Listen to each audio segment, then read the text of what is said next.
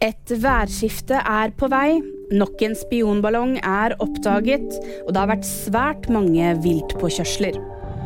Et værskifte er på vei, og skal vi tro meteorologene, så vil det noen steder bli temperaturforskjeller på hele 30 grader. Særlig i Nord-Norge så vil det bli mye varmere. Det betyr at folk må regne med glatte veier, skredfare og muligens også flyforsinkelser i neste uke.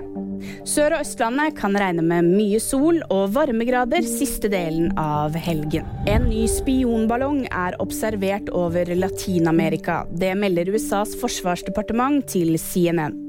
Det er ikke klart hvor over Latin-Amerika ballongen er.